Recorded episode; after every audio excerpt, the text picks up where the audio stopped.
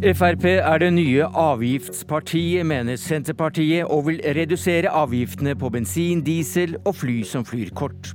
Og Sverige skal Moderatene stemmes over i neste uke. Nå skal de sukre pillen før søta bror skal avgjøre om det er de som skal regjere. Ja, velkommen til Politisk kvarter tirsdag 6.11, der vi også tar en runde på dette utspillet fra Unge Høyre om at Erna Solberg bør ligge unna abortspørsmålet i de kommende forhandlinger. Men først til en eh, budsjettdebatt. Den første vi vel har etter den politiske unntakstilstanden. Godt å være tilbake, Trygve Slagsvold Vedum? Ja, det er godt å diskutere politikk, da. Det har kanskje vært litt vel mye spill de siste ukene. Men det som er utfordringa med regjeringas eh, opplegg, er at eh, når Frp har fått makt, så øker avgiftene for folk flest. Ja, for, du, for, for, dere sier rett og slett at Fremskrittspartiet de er med på å drive viktige avgifter i, i været. Og hva er de viktigste avgiftene? Det er eh, f.eks. når det gjelder drivstoff, så øker Fremskrittspartiet avgiftene. Når det gjelder elavgift, har de økt avgiftene, økt avgiftene på en rekke områder. Ifølge Siv Jensen har de økt avgiftene med 6,6 milliarder kroner. Og Problemet med avgiftsøking er at det, det rammer så sosialt skjevt. Det er de som har lavest inntekter, som rammes hardest.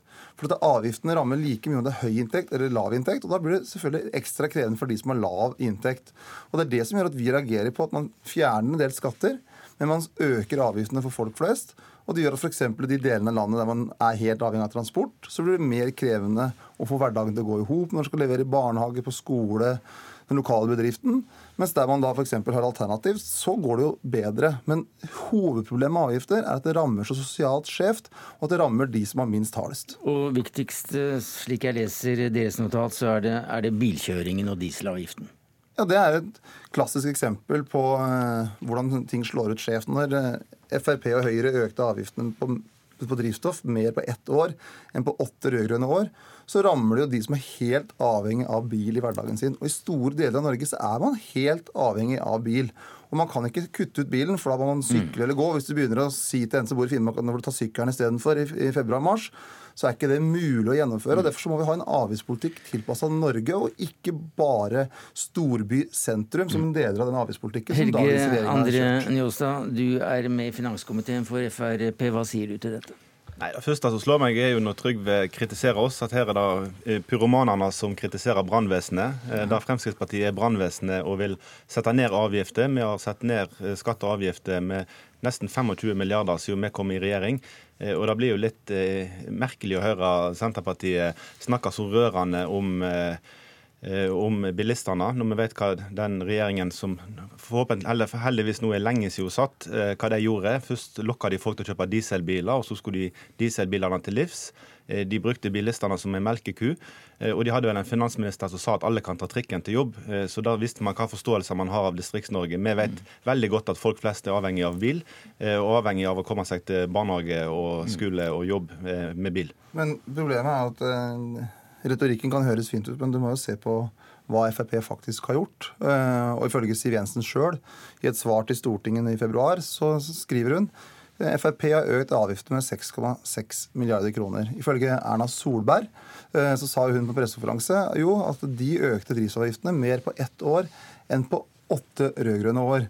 Og Vi ønsker jo bilbruken ned, men vi må ha en avgiftspolitikk som gjør at det er mulig i de delene av landet der det ikke er alternativ til bil, så må du kunne bruke bil. Og så har også eh, Frp, når de har sittet med makta, kutta i pendlerfradrag, andre typer tiltak som, eh, som, hjelper de som er helt avhengig av transport hver bidige dag. Og så har jo de mye Men, men nå, snakker vi om, nå snakker vi først og fremst om avgifter. Men, men, nå tar du ting ut av sammenheng. Men det er jo et faktum. Det, som, det, det er jo Siv Jensen sitt svar på 6,6 milliarder kroner. Dere var et parti for å lette avgiftene når Anders Lange stifta partiet. Når Siv Jensen som finansminister, har, har det blitt et parti som øker avgiftene for folk flest. Nei. Og det merker jo folk mm. rundt omkring i hele Nei. Norge. Det er jo bare å se ut av vinduet når de kjører forbi en bensinstasjon, så ser de at avgiftene har gått opp, ikke gått ned. Jo, men uh, det, du tar ting ut av sammenheng. Og den uh, økningen som var på, på avgiftene, ble jo sånn kompensert direkte på traf trafikksikringsavgiften, altså årsavgiften. Sånn at bilistene har ikke merka forskjell, eller bilistene har merka forskjell. De har fått mer igjen. Vi bruker mer penger til veibygging. Og vi tar inn mindre enn det vi noen gang har gjort fra bilistene. Så folk merker forskjell. Men når det gjelder bilavgifter, så er det litt interessant. For det nye med Senterpartiet nå når de er i opposisjon, er at de mener flere ting samtidig hele tida. Snakker vi sukkeravgift, så mener Kjersti Toppe at den må økes, mens Trygve mener at den må reduseres. Når vi kommer til bilavgifter, så mener Trygve nå at de skal settes ned. Men spør vi hans parlamentariske leder som sitter, satt i energikomiteen, eh, så sier hun at eh, i et forslag når vi diskuterer energipolitikken mot 2030, Stortinget ber regjeringen sørge for at dagens avgifter på, på fossilt drivstoff og forurensende transportmidler gradvis økes. Eh, så da mente Senterpartiet i lag med Miljøpartiet De Grønne da. Eh, men det er jo fordelen med å være i opposisjon at da kan de diskutere energipolitikk og mene det skal økes, og så kan de diskutere avgifter og si det skal senkes. Men det henger jo ikke sammen. Ja, det er veldig lett å se på vår alternative budsjett. Det har vært en helt klar linje der vi har hatt en politikk som skulle legge til, legge til rette for at folk kan bo rundt omkring i hele landet og lage næringsaktivitet rundt omkring i hele Norge. Og så er det helt riktig at vi har vært kjempekritisk til den økninga som var for norsk næringsmiddelindustri i fjor høst, som gjort at norske arbeidsplasser har gått tapt, både når det gjelder da den såkalte sjokolade sjokoladeavgifta, men også for da ikke-alkoholholdige drikkevarer. F.eks. at avgiftene på Farris og den type produkter har gått opp. Det mener vi var veldig veldig uklokt. Vi trenger arbeidsplasser og verdiskapning i Norge. Og så vil jo vi som parti ha sagt at vi kan bruke avgifter til også eh, alkoholavgift, tobakksavgift, andre avgifter til å styre forbruk. Men vi må ikke være blinde for når avgiftene øker så mye som under Frp, så rammer det de som har minst fra før. Ja, men hva mente dere med energimeldingen her da, når dere ville øke bensinavgift og dieselavgift? Mente dere ikke noe med det? Altså, vi, du bare se på vårt alternative budsjett. Jo, vi økte det ikke i fjor, vi økte det ikke revidert, vi, økte, og vi reduserer det også nå. Og Det har vært en helt klar linje om forutsigbarhet. Og så er problemet til Fremskrittspartiet var at dere økte det mer på ett år enn på åtte rød-grønne år. Ja, men dere sier, dere, dere sier så gradvis øker ja, videre. Poen, Poenget er jo at dere ja, men Du må ikke vri deg unna den. Nei, det, det er ikke noe vanskelig å vri. Ja, du bare se. Når vi diskuterer energi på Stortinget, så vil du øke. Men du... Det var én merknad du der henviser til i en stor stor sammenheng. Og Hvis du ser på våre alternative budsjett, så er det en helt klar linje. Vi har en avgiftspolitikk som skal legge til rette for at folk kan bo, leve og utvikle seg i hele Norge. Det er avgiftspolitikken. Mens Fremskrittspartiet har økt avgiftene som mm. rammer folk flest, og så har de gitt noen skattekutt til personer som Rema Reitan, Rimi, Jon Andresen, de aller rikeste i Norge. De har fått skattekutt, mens vanlige folk har fått avgiftsøkninger for å lette skattetrykket. Slagsvold Vedum, du sier til bladet Motor at Frp glemte bilavgiftene til vanlige folk i det øyeblikket de satte seg inn i svarte biler som betales av andre. Det var da voldsomt. Det er sant. Og det er det som er noe av problemet. Når du ser Fremskrittspartiet i avgiftspolitikken, så har de glemt det de lovde, for avgiftene har gått opp, mm. ikke ned. Og det, de som har fått de store skattekutta, det er de som er aller rikeste blant oss. Og det er en helt feil prioritering. De, de største skattekuttene er kommet på bilistene. Over 13 milliarder mindre tar vi inn på bilister enn de eh, våre forgjengere gjorde. Så det er langt større skattekutt og avgiftskutt på bilister enn det er på noen andre grupper. Mm. Eh, og hvis man ser på formuesskatt, så har vi brukt mye mer på bilistene enn på eh, formuesskatt. Det var det vi rakk om akkurat denne løpende budsjettdebatten. Helge André Njåstad, takk skal du ha. Takk til Trygve Slagsvold Vedum.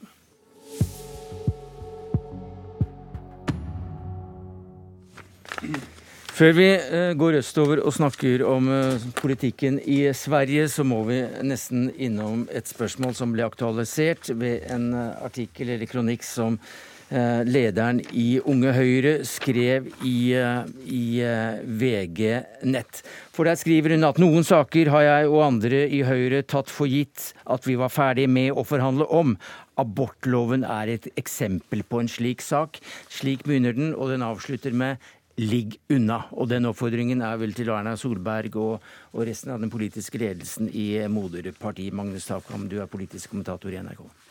Ja, det er riktig. Det er eh, Sandra Bruflot, leder i Unge Høyre, som uh, i en vil jeg si, ganske oppsiktsvekkende uh, kraftig kronikk går ut mot sitt eget moderparti og den måten de har håndtert abortsaken på i forspillet til KrFs landsmøte på fredag. sånn at det som er bakgrunnen her, er jo at Høyre på sitt landsmøte i 2013 stemte ned et forslag om å endre denne mye omtalte paragraf 2c med en, etter et kvinneopprør internt i partiet. Eh, slik at eh, når partiledelsen nå tar dette opp igjen i eh, forhandlinger med Kristelig Folkeparti, så har de da eh, fått de som tidligere var kritikere, til å være lojale. De har på en måte fått valget mellom å støtte eh, Høyre i regjeringsforhandlingene eller å gå ut med sitt syn på abortsaken. Og Unge Høyre velger da å markere sitt syn på en kraftig måte her. Ja, fordi de, Hun skriver at uh, vi kan ikke akseptere og, at man regner med at vi sitter stille nå. Nei, altså Det Sandra Bruflot uh, har reagert spesielt på, er at uh, Høyre, både Erna Solberg og Bent Høie i mediene, sier at dette som de da går inn med og skal vi si, tilbyr KrF, ikke er Høyres politikk. Altså Det er ikke Høyres politikk å endre dette. Og så mener da Sandra Bruflot at de likevel argumenterer som om det er Høyres politikk, og det provoserer henne. Eh, og eh, hun sier da at ja, det kan jo virke som om hun mener denne saken er eh, på en måte det går over en grense for det hun kan mm. akseptere og, og, sitte stille og høre på. Men hva sier da dette om denne prosessen som vi er midt inne i nå med regjeringsforhandlingene, hvordan de kan, de kan løpe? Nei, altså Det er i hvert fall veldig interessant, fordi eh, hvis man eh, legger sammen eh, det som skjedde på KrFs landsmøte, så er det ingen tvil om, som vi har vært inne på før, at nettopp dette argumentet om at det kun er på den borgerlige siden man kan forhandle om å stramme inn abortloven, var et hovedargument som, som kanskje førte til at KrF landet der de gjorde. Mm. Men det er ikke så sikkert? Ja, altså jeg, jeg tror nok at uh, de som er kritikere internt i Høyre, sitter stille for en stor grad. Altså Det har de i hvert fall gjort til nå, fordi de Eh, setter lojaliteten til partiet og ikke vil, og ikke vil ødelegge da forhandlingene med KrF. Mm. Men dette er uttrykk for at det syder i, mm. Høyre, tror jeg. Men uh, uansett om de kommer fram til altså hvis, Selv om de kommer fram til en regjeringserklæring uh, om akkurat abortspørsmål, en endring mm. der, mm. så er jo ikke det et stortingsflertall. Altså, det kan vel hende at partier uh, slipper medlemmene sine, stortingsrepresentantene sine, fri, og at de får et flertall mot seg der? Det, vil jo vise seg, men altså det, det, I utgangspunktet er det ikke flertall for å endre loven i tråd med KrFs politikk. Eh, dersom eh, det blir tatt inn i en regjeringsplattform, så tror jeg da eh, Høyre og regjeringen vil kreve nærmest av medlemmene i regjeringspartiene at de er lojale mot regjeringsplattformen og får anledning til å stemme på den når den er ferdigforhandlet. Så, men det blir et spenningsmoment, selvfølgelig. Det er spennende i Sverige også. Jeg bedømmer at det ikke finnes forutsetninger at nå gi noen ytterligere sonderingsoppdrag. utan det verktøy som jeg har kvar i min verktøyslåde, er å eh, gå fram med en kandidat i kammeren. Og det er det jeg nå aviserer at jeg kommer til å gjøre. Det sa Andreas Norlén om beslutningen om å ta en avstemning neste uke om Ulf Kristersson, Moderatenes leder, har tillit som statsminister. Hva slags avstemning blir dette, politisk kommentator i NRK fremdeles, Magnus Stakman? Nei, altså Det er da, da, innført i Sverige en ordning med eh, statsministervoteringer for å sjekke om eh, vedkommende som eh, aspirerer til det, har tilstrekkelig støtte i Riksdagen. Og nå har, som, eh, som mange har fått med seg, Eh, det vært en endeløs forhandling mellom, og sondering mellom ulike partier i Riksdagen uten at man har greid å komme fram til en realistisk regjeringskonstellasjon. Og da blir det skarpe voteringer i Riksdagen, som talmannen her da håper vil legge et så sterkt press på partiene at de forlater sine primærstandpunkter og, øh, og går inn i koalisjoner som kan danne en regjering. Men om det skjer ved første anledning neste uke, om, om, han blir akseptert av Riksdagen, er det nesten ingen som tror på. Blir det fire slike eh, voteringer om statsminister i Riksdagen, så er, eh, sier konstitusjonen da at da blir det ekstravalg, et nyvalg. Og det er nettopp det presset å unngå et nyvalg som man håper kan disiplinere partiene til slutt, når de får kniven på strupen. Ja, Helt kort til slutt, på ti sekunder. Hva er det mest trolige? Er det, er det alliansen fremdeles som, som er sterkest? Ja, det er et flertall mot Stefan Löfven som uh, statsminister, men det flertallet av Sverigedemokraterna og de fire alliansepartiene er uenige seg imellom. Det er det som er uh, nøtten her, rett og slett. Det var Politisk kvarter i dag. Jeg heter Sverre Tom Radøy.